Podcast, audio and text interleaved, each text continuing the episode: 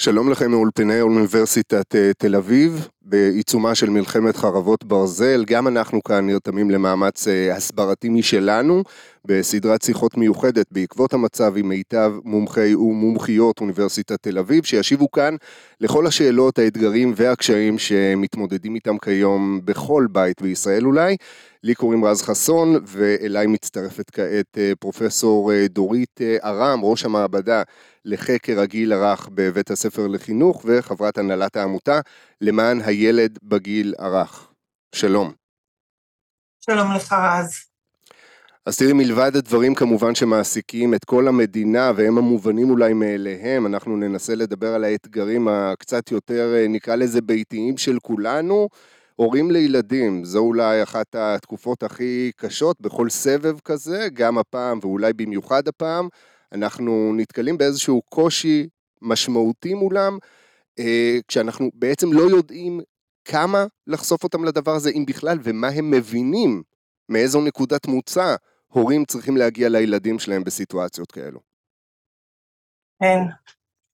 מה אני אומר לך, באמת מצב כל כך קשה, ואנחנו לא יודעים כמה זמן הוא יימשך, וכל יום אנחנו לא יודעים מה יקרה מחר.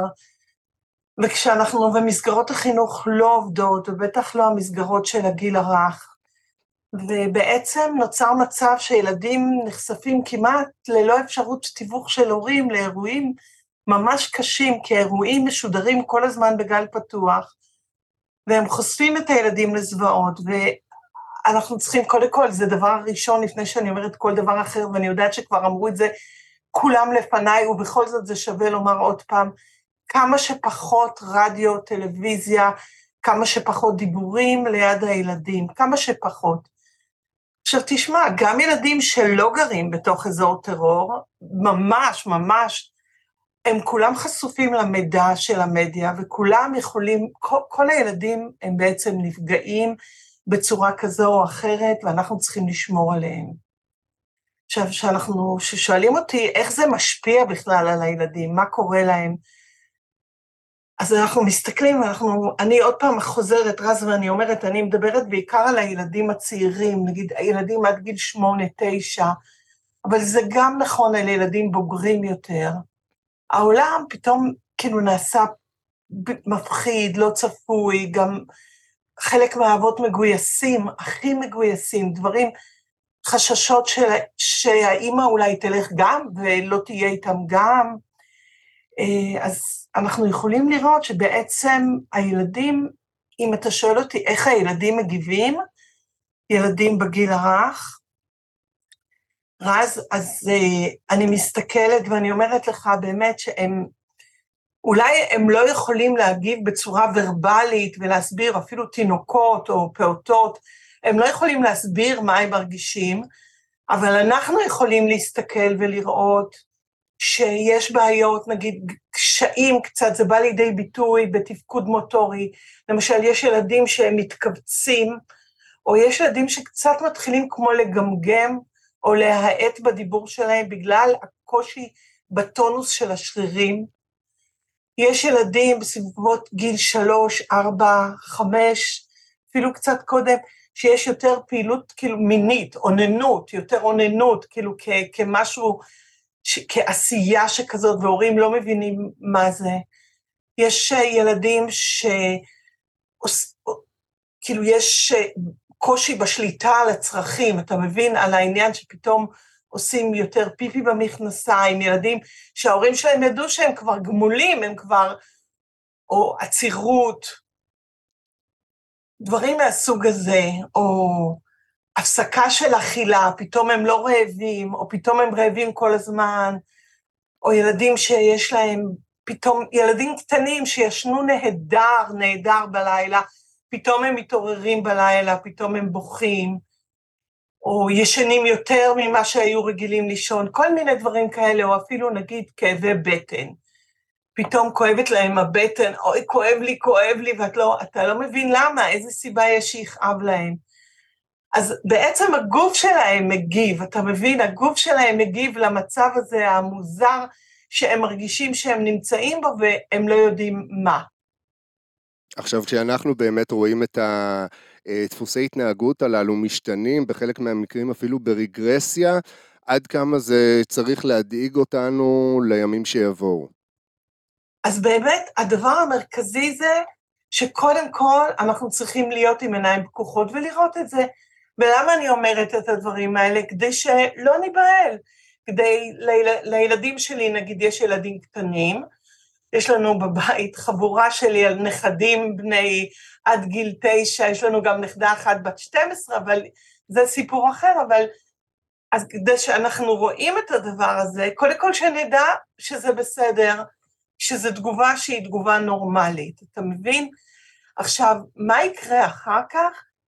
אני מעריכה, וזה צריך לדבר על מה ההורים בעצם צריכים לעשות כדי לעזור לילדים, כדי להרגיע את הילדים, וסביר להניח שהדברים האלה ירדו עם הזמן, ואנחנו נחזור, אני מקווה, בקרוב לשגרה, איזושהי שגרה, וה, והדברים ישתנו ויחזרו למצב שהיה קודם. אנחנו לא יודעים כרגע עכשיו, אבל אנחנו כרגע, הילדים ממש תלויים בנו, ולכן אנחנו, הם, אנחנו צריכים להיות שם בשבילם, לסייע להם, לארגן להם, לאבד עבורם את החוויות, לדבר איתם טיפונת, להרגיע אותם, אתה מבין? דברים מהסוג הזה, וזה יעבור. אתה צריך להיות ער לזה שזה התנהגות שהיא התנהגות שהיא הגיונית לתוך מצב כזה של חוסר ודאות. זהו, התנהגות הגיונית למצב לא הגיוני, השאלה היא באמת נכון. איך אנחנו, מה הדרך שלנו לתווך לילדים רכים בגיל הרך מציאות לא הגיונית, שנכפתה על כולנו, גם עליהם, ילדים היו אמורים לחזור לגנים עכשיו אחרי תקופת החגים וחול המועד, והם לא חוזרים לגנים, וחלקם לא יודעים למה. איך אנחנו מסבירים להם את זה? נכון, אז באמת אנחנו צריכים לדבר איתם, ואנחנו צריכים גם עם הקטנים לדבר איתם, ואנחנו לא צריכים לה, להעמיס עליהם הרבה. תראה, קודם כל, אני אומרת לך, ואני מקווה שאנחנו נדבר בהמשך, ואני, יש לי הסבר מאוד מסודר ומאורגן אה, בתוך מודל שיש לנו שקוראים לו מחומש ההורות, איך הורים כדאי להם להתנהג בתקופה כזאת. אבל מעבר לכל הדברים האלה, רז, מעבר לדברים הספציפיים שאפשר לעשות, אני אומרת, תראה, הם תלויים בנו, אנחנו צריכים לארגן, אנחנו צריכים לדבר איתם. עכשיו, הורים פוחדים לדבר עם הילדים, אבל אנחנו כן צריכים לומר לילדים, אנחנו שומרים עליכם, אנחנו נמצאים כאן בשבילכם, יש לנו צבא חזק, אנחנו, לתת להם שקט כמה שאנחנו יכולים בתוך ההקשר. אתה זוכר את הסרט החיים יפים של בניני? רוברטו בניני, בוודאי. כאילו חושב... בתוך כל מציאות שזה נשמע הזוי לגמרי, אנחנו ההורים, אנחנו חומת המגן של הילדים שלנו, ואנחנו יכולים להגן עליהם הכי טוב שאנחנו יכולים בתוך ההקשר הזה. כשאנחנו נגיד מראים, שזה מאוד מתקשר למה שדיברנו הרגע, נגיד הורה בדיוק כמוך שאומר, אוי, מה קורה לילד שלי? ומראים רגישות יתר לסימני המצוקה של הילדים, אנחנו יכולים לגרום להגנת יתר כלפי הילדים, אתה מבין אותי? כאילו להגיד, אוי, קשה להם, קשה להם, וזה דווקא מגביר את החרדה אצל הילדים.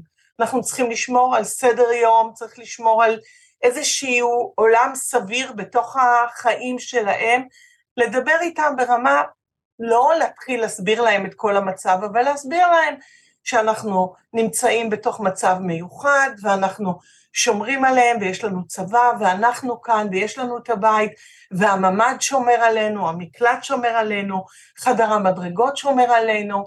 אתה מבין, הדברים הכי פשוטים, וגם דבר מאוד חשוב, לא להשתמש בילד כמגן שלנו, אתה מבין? לפעמים אנחנו, אני יודעת, אני רואה, אני עצמי מרגישה שלפעמים אנחנו מחבקים את הילדים בשביל להרגיע אותנו, והם מרגישים את זה.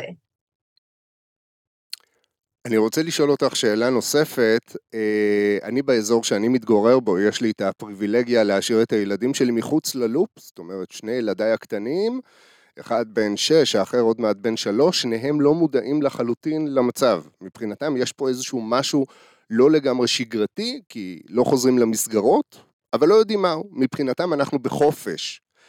השאלה היא באמת, אמ, האם אנחנו צריכים לדבוק בשגרה ככל הניתן, או שבימים כאלה מותר גם לצאת מהשגרה. אפשר לתת להם לבוא ולישון עם אבא ואימא, אפשר לחרוג מהשגרה, או שאנחנו צריכים דווקא כן לתת להם עוגנים שגרתיים. מה משפר את מצבם או מה מיטיב איתם יותר? תראה, אתה משלה את עצמך שהם חושבים שהם בחופשה.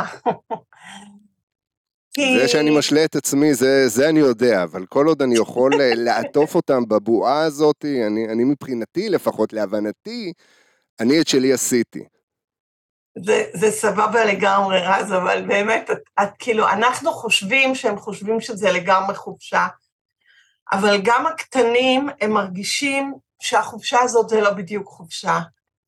והם כן רואים את, אה, הם שומעים כן דברים מהדהדים פנימה, ובכל זאת מתישהו אתה מדבר עם, אה, עם חברים, עם, עם, עם, עם הקרובים לך על המצב והם שומעים את זה, הם כן, יש כן אזעקות, לעתים רחוקות, אבל יש, ואני אומרת שכן, אנחנו רוצים לשמור על מקסימום שגרה. אנחנו לא רוצים ליצור מצב, כן, אם הם חושבים באמת שזה יחסית המשך של חופשת אה, סוכות, זה לא דבר, אה, זה לא דבר רע. אבל אה, אנחנו צריכים להיות ערים לזה שזה לא בדיוק זה, ו, ולהבין שדברים מחלחלים כן, ולדעת להיות ערים, זה הכל. ואם הם רוצים לבוא אליך למיטה, אל תרשה את זה יותר מדי, תרשה את זה במידה סבירה. Okay.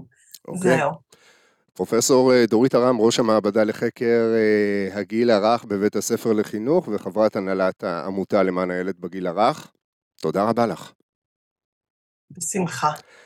אנחנו כמובן מזמינים אתכם אה, להמשיך ולהאזין לכל הפרקים, לכל השיחות הנוספות בסדרה המיוחדת הזאת בעקבות מלחמת חרבות ברזל. אנחנו כאן באוניברסיטת תל אביב יחד עם כל צוות המומחים של האוניברסיטה. אה, כאן כדי להשיב לשאלות שלכם ולנסות אה, ולעזור בהתמודדות עם המצבים הבלתי אפשריים שאנחנו מתמודדים איתם. לי קוראים רז חסון, נשתמע בשיחה הבאה.